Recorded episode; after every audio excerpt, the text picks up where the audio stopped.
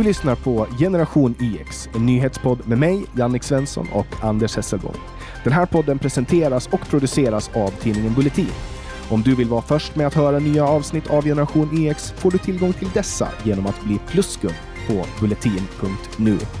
Då får du samtidigt tillgång till allt premiummaterial och alla Bulletins poddar före alla andra. Du kan ladda hem Bulletins app gratis och du hittar länkar i beskrivningen till det här avsnittet eller på vår hemsida www.genix.se. Såklart, men, Mm. Vad, har du, vad, har du, vad har du för hundar då? Det är eh, två stycken ryska rescue dogs som jag vaktar åt min dotter ibland. Eh, Den ena är mångt och mycket en briard, en, en vallhund, och den andra är en varghund i mångt och mycket, en riktig jägare. Okej. Ja, jag har ju en sån där liten låtsashund. Jag har ju berättat om Bubblan tidigare. Ja, Eh, och sen har jag ju då Luna som är hennes syster. just det. Eh, moster blir det. Jag måste, vad- ja. Ja, och det blev ju en lite mjuk inledning till veckans avsnitt av Generation YX som denna vecka är näst sista avsnittet för året. Mm. Det är inte riktigt slut än.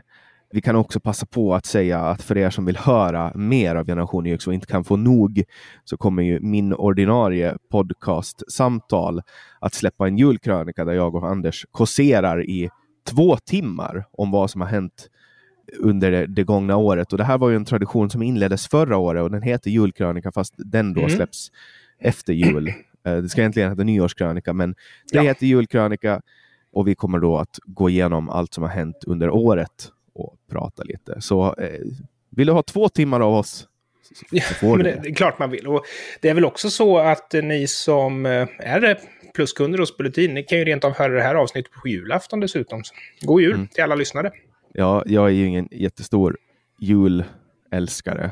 eh, så eh, Alltså. men, men för dem, det finns ju en jättekonstig tradition i Sverige och det är den här att man Mm. kollar på Kalle Anka klockan tre.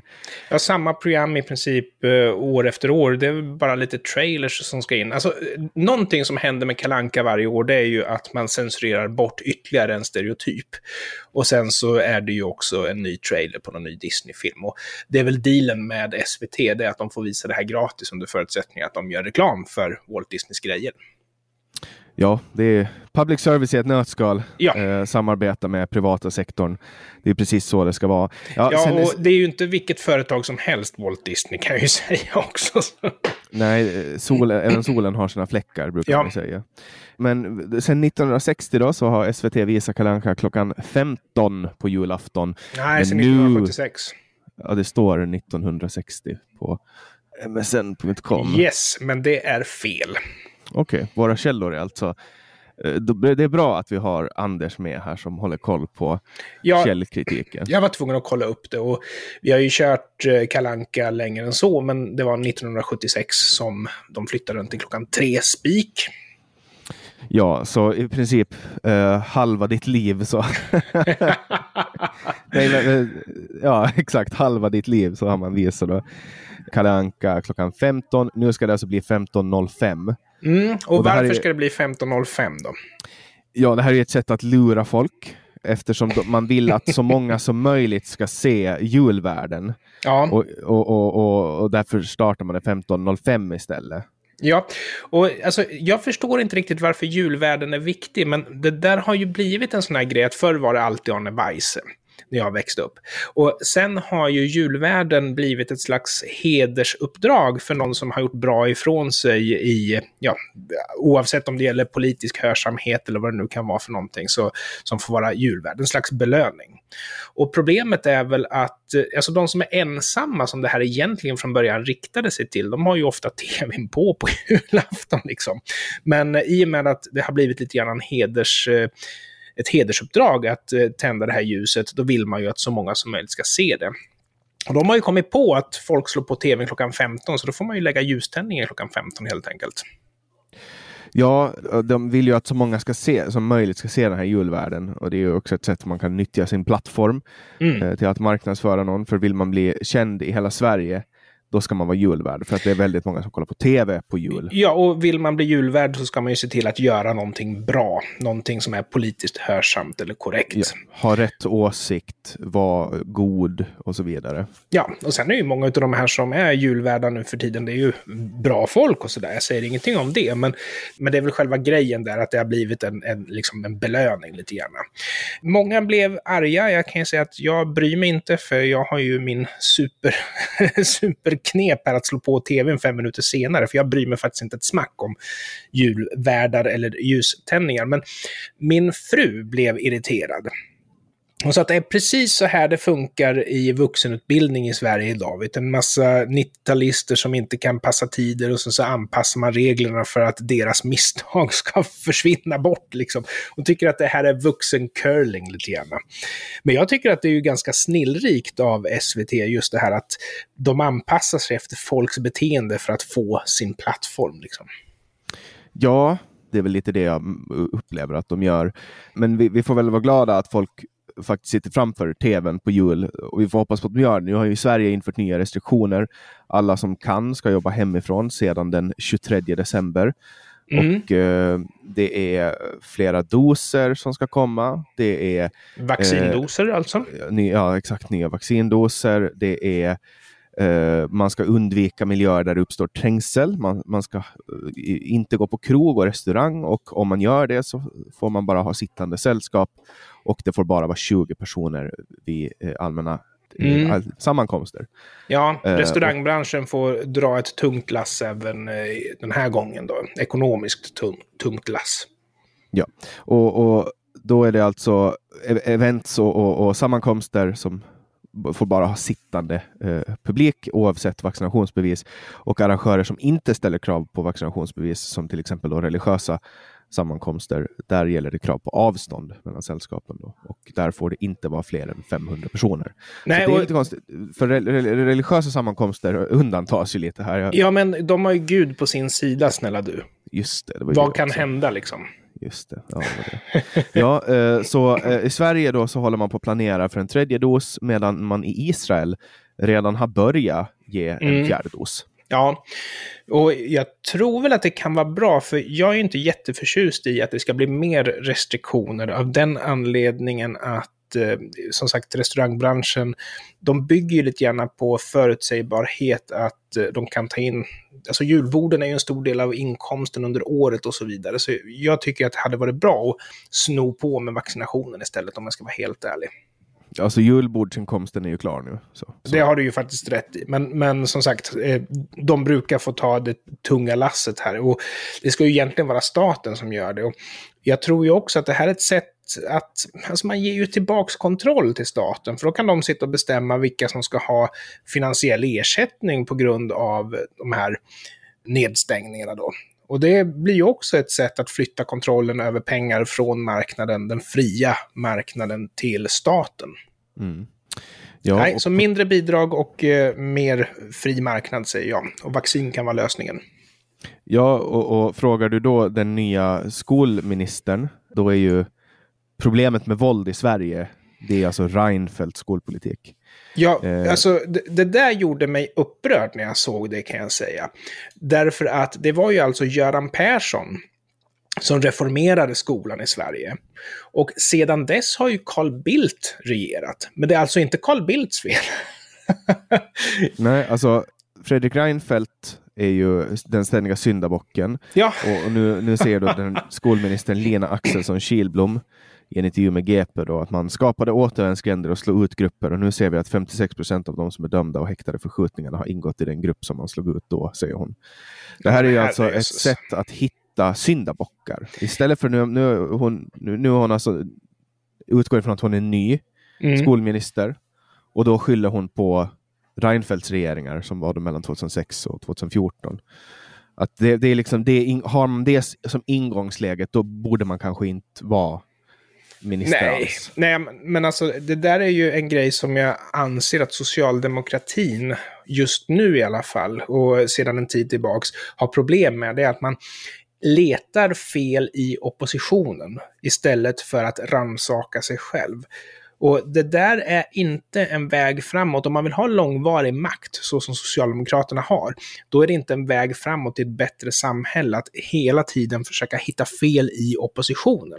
Utan då når man alltså nya framsteg genom rannsakan, genom att lära av sina misstag, genom att förbättra sin egen politik. Ja, men alltså in, ingångsläget här är ju att hon vill inte det är inte, det är inte hennes fel. och, och, och, och, därför så börjar hon på den kulan och så kan det ju vara också. Men vi, vi kan ju säga någonting roligt om eh, Lina Axelsson Kilbom och det är väl att hon är väl eh, Sveriges första transkvinna som är minister, är det inte så? Ingen aning. Ja, men jag tror, jag tror det. Jag kan ha misstagit mig och att det kan vara någon annan. Men om det är hon så är det ju roligt i alla fall att, att eh, man får in lite representation där tycker jag.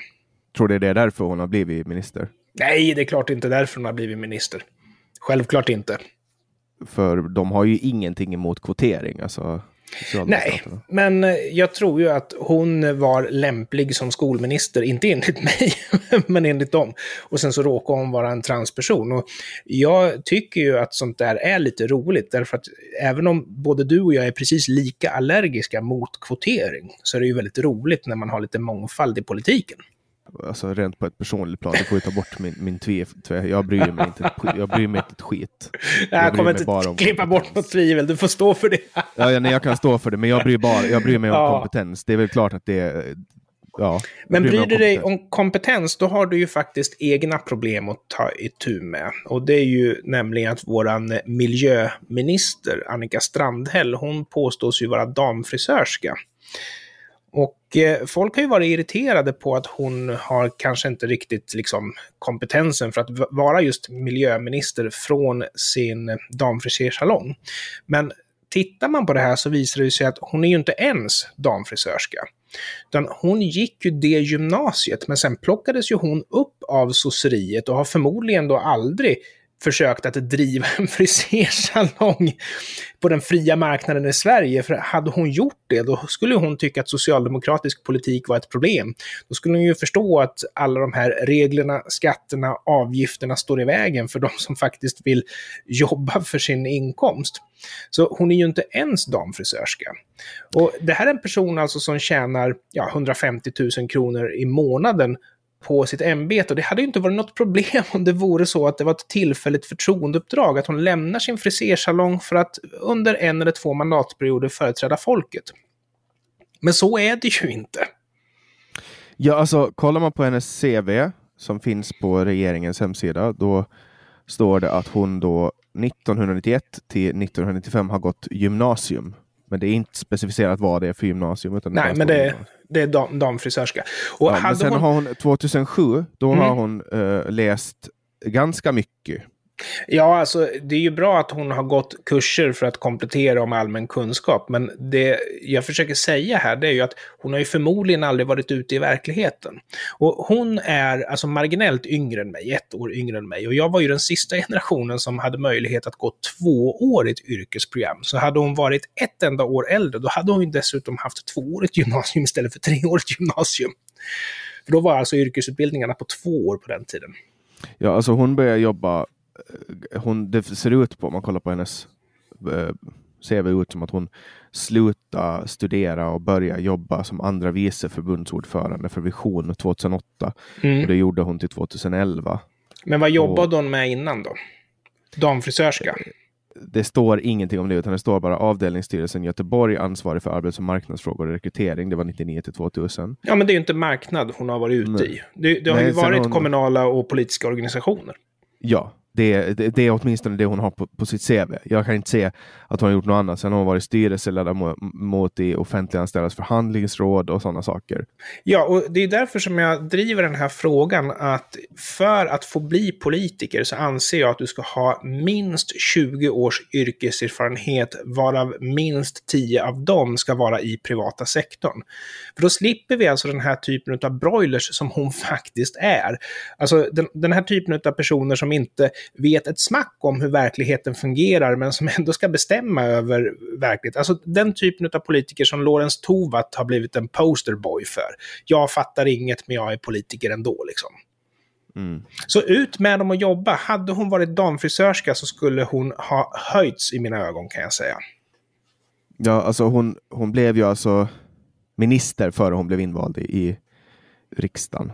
Och sen var hon ju minister ett tag och sen slutade hon och sen börjar hon igen. Ja, men du hör ju själv, det blir ju inte bättre. Vi kan fortsätta att säga att hon har liksom inte varit ute på marknaden. Vi kan fortsätta att säga att hon bara haft politiska och kommunala uppdrag. Det blir inte bättre. Nej, antagligen inte. Och, och hon, har ju fått, hon har ju fått sig ganska... Hon har fått, hon har fått sina fiskar varma. Det måste vi ändå säga. Ja. Uh, Jan Guillou brukar ju göra... Någon folks... annan som har fått sina fiskar varma? ja, han, han, brukar ju göra folks uh, fiskar uh, varma, men du kanske kan ta den här Anders? Ja, alltså han anser ju att badkar är farligare än gängkriminella. Och det här handlar nog förmodligen om det här klassiska knepet att han egentligen inte tror det. Men han säger att han tror det därför att det kan liksom ta dramatiken av att vi lever i ett samhälle som faktiskt har problem med gängkriminalitet. Det han menar det är ju då att eh, ditt badkar kanske försöker döda dig. Om du halkar i badkaret, då jäklar är det farligt så att säga. Men sen så var det ju någon, jag tror att det var på Bulletin som jag faktiskt läste det, att det var någon som hade kollat upp statistiken. Hur många personer år 2020 har blivit mördade av ett badkar? Ja, det var en. Och det var inte ens säkert att det var intention. Det var liksom inte Knutbyvarning där, utan det kan rent av ha varit en olycka. Hur många dog av våld? Ja, 124 personer.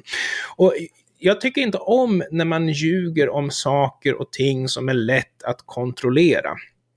Men det handlar ju naturligtvis om, och jag menar Anne Ramberg som är ordförande för Advokatsamfundet, hon eh, tweetade ju det här och tyckte det var jättebra att äntligen så vet vi att gängkriminalitet inte är ett problem i Sverige, det är badkaren som måste försvinna liksom.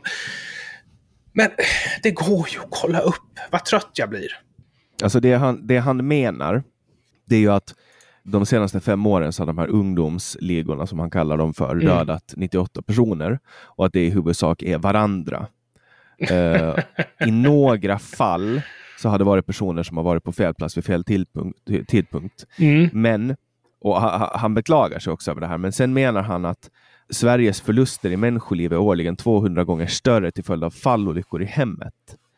Ja. Uh, och där, det är då han menar, för den svenska, så här i Aftonbladet, för den svenska allmänheten utgör således hala badkar en betydligt större fara än beväpnade tonårsligor ute för att skjuta varandra. Ja, fast det gör ju inte det när man bryter ner siffrorna. Och när han säger det så där så låter det vettigt, men när man gräver på det så gör det inte det. Dessutom så har det någonting med intention.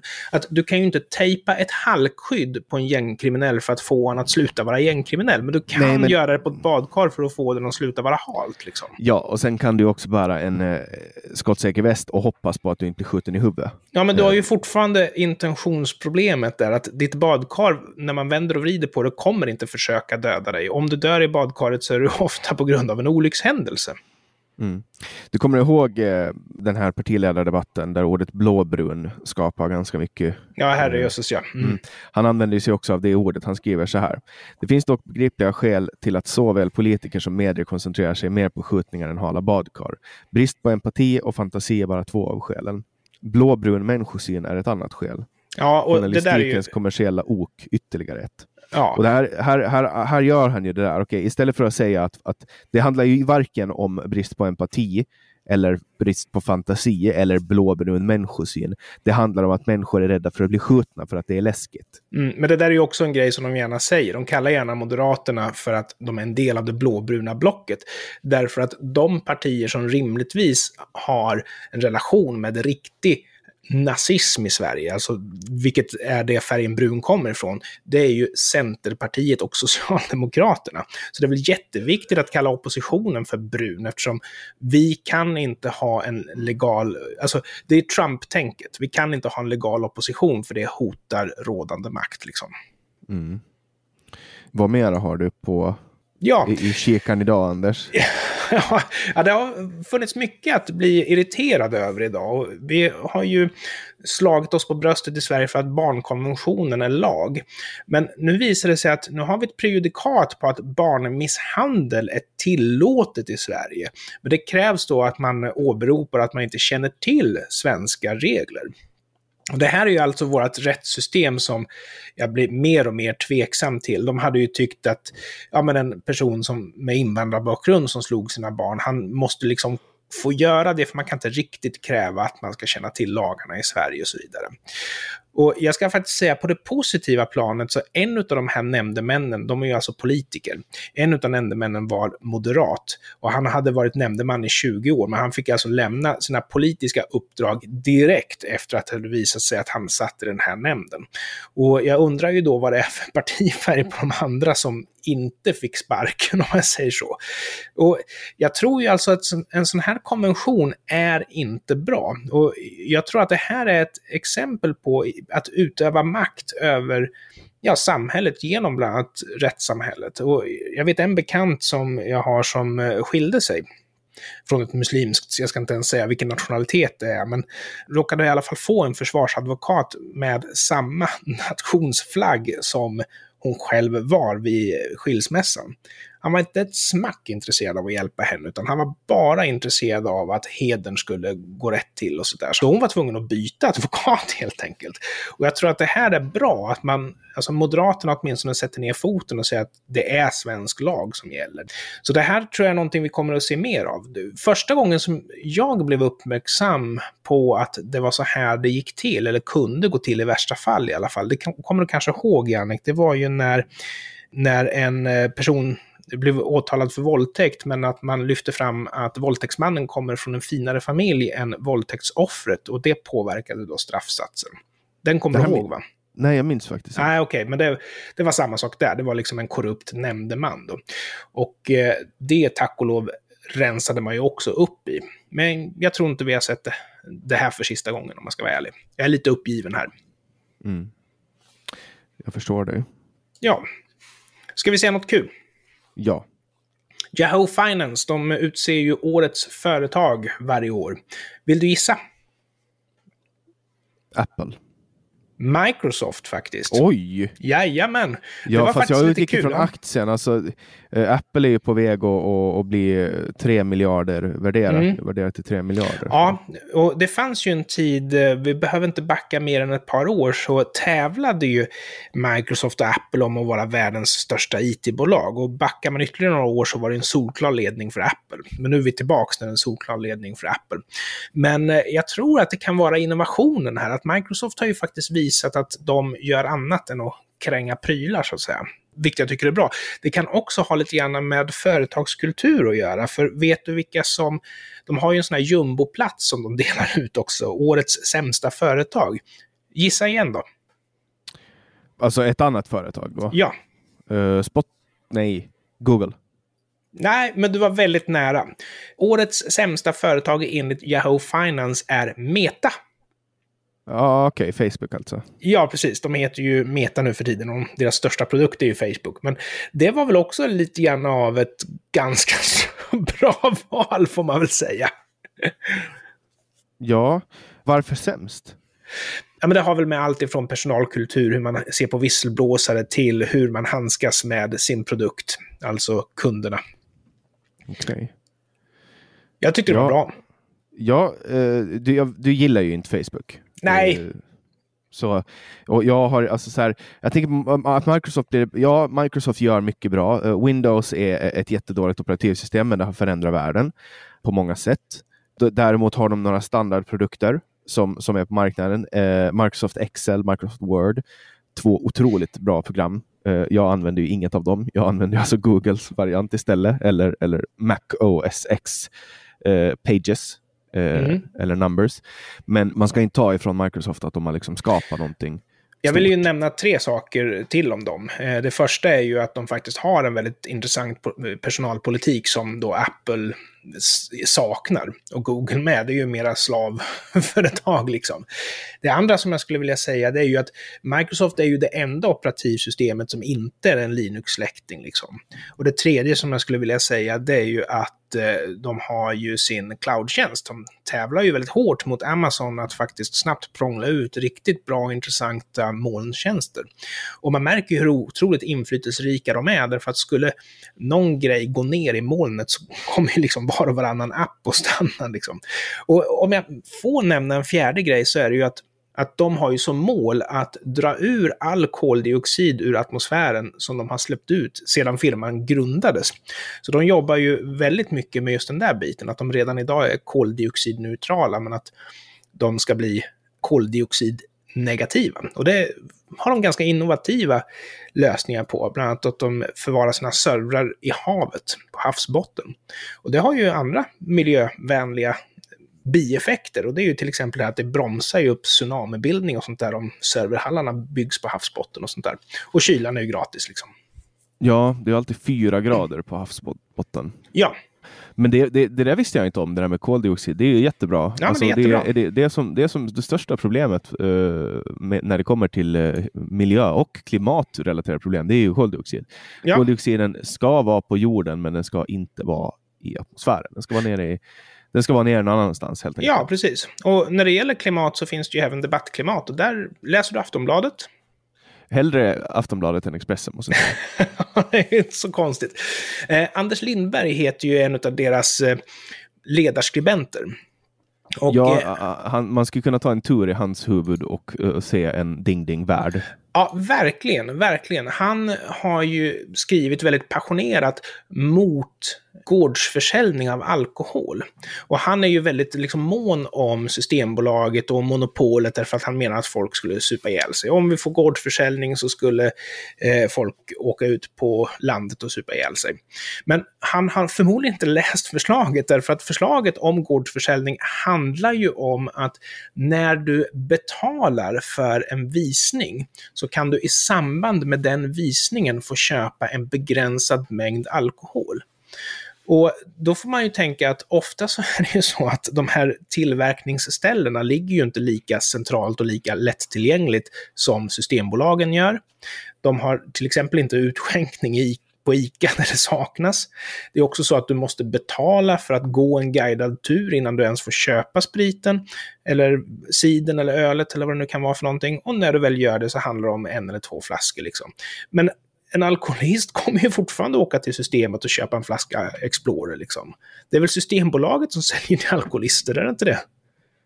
Ja, visst är det så. Och krogar. Och det är inte problemet att, uh, alltså problemet med alkoholism är ju inte att alkoholister inte får sprit, utan det är ju att det är en sjukdom som behöver behandlas på andra sätt. Ja. Och ett alkoholmonopol och tillgänglighet gör ingenting för en alkoholist. Det är såklart att det inte blir bättre av att du har hög tillgänglighet, men det blir inte heller Alltså det hänger mm. inte heller på alkoholmonopolet. Men, men här vill jag igen betona att tillgängligheten står Systembolaget för. Därför att du har högre tillgänglighet på Systembolaget där du kan åka till en centralt belägen butik, gå in och köpa en flaska No questions asked. Jämfört med gårdsförsäljning där du måste ta dig ut till en gård. Du måste betala inträde, du måste gå en tur och du får ändå inte köpa vad du vill när du har gjort det. Så tillgängligheten ja, står Systembolaget för, inte gårdsförsäljningen. Ja, det har, det har du helt rätt i. Och, och jag menar, det där är, Finland har nyligen ändrat i sina al i alkohollagstiftning, alltså utskänkningslagen. Och, och eh, då hade man massa människor som innan stod och sa Åh nej, det kommer att bli nu när man får dricka sprit på stan. Åh, nu när man får köpa med sig eh, alkohol hem från krogen. Åh, nu när man får ha uteserveringen öppna längre. Allting kommer att gå åt helvete. Folk kommer att rulla i dikena och eh, hit och dit. Och sen bara, ja, så gick alkoholkonsumtionen ner. Ja, det som man har provat i Finland som faktiskt fick alkoholkonsumtionen att gå upp, det var ju sänkt alkoholskatt. Men det gick man ju tillbaka på sen. Ja, alltså grejen är det att äh, det finns ju någonting som när folk stashar alkohol. Ja. Det händer ju någonting när folk stashar. Mm. Om folk vet att ja, men nu stänger alkoholmonopolet tidigt, då behöver vi äh, gå och se till att vi får så mycket sprit som möjligt så att ja. vi inte behöver åka dit imorgon. Och då har man väldigt mycket alkohol hemma. Ja. En, en, en biverkning av alkohol är att man vill ha mer alkohol. Mm.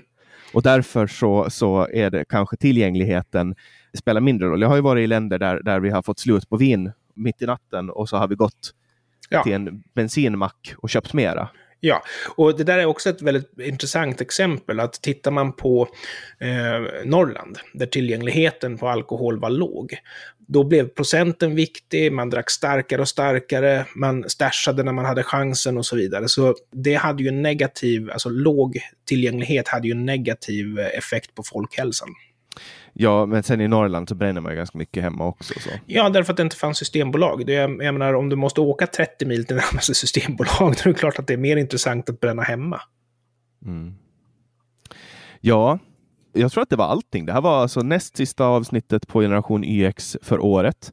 Eh, och vi har avhandlat den tid vi ska avhandla. Och eh, vill ni höra mer av det här, då ska ni hålla koll på podcasten Samtal eh, och julkrönikan som vi ska sätta oss och spela in nu. Det är alltså två timmar Generation YX med en sammanfattning av årets största händelser. Strålande! Stort tack för att ni lyssnar. Ni. Tack så mycket och ha en glad dag. Hej då!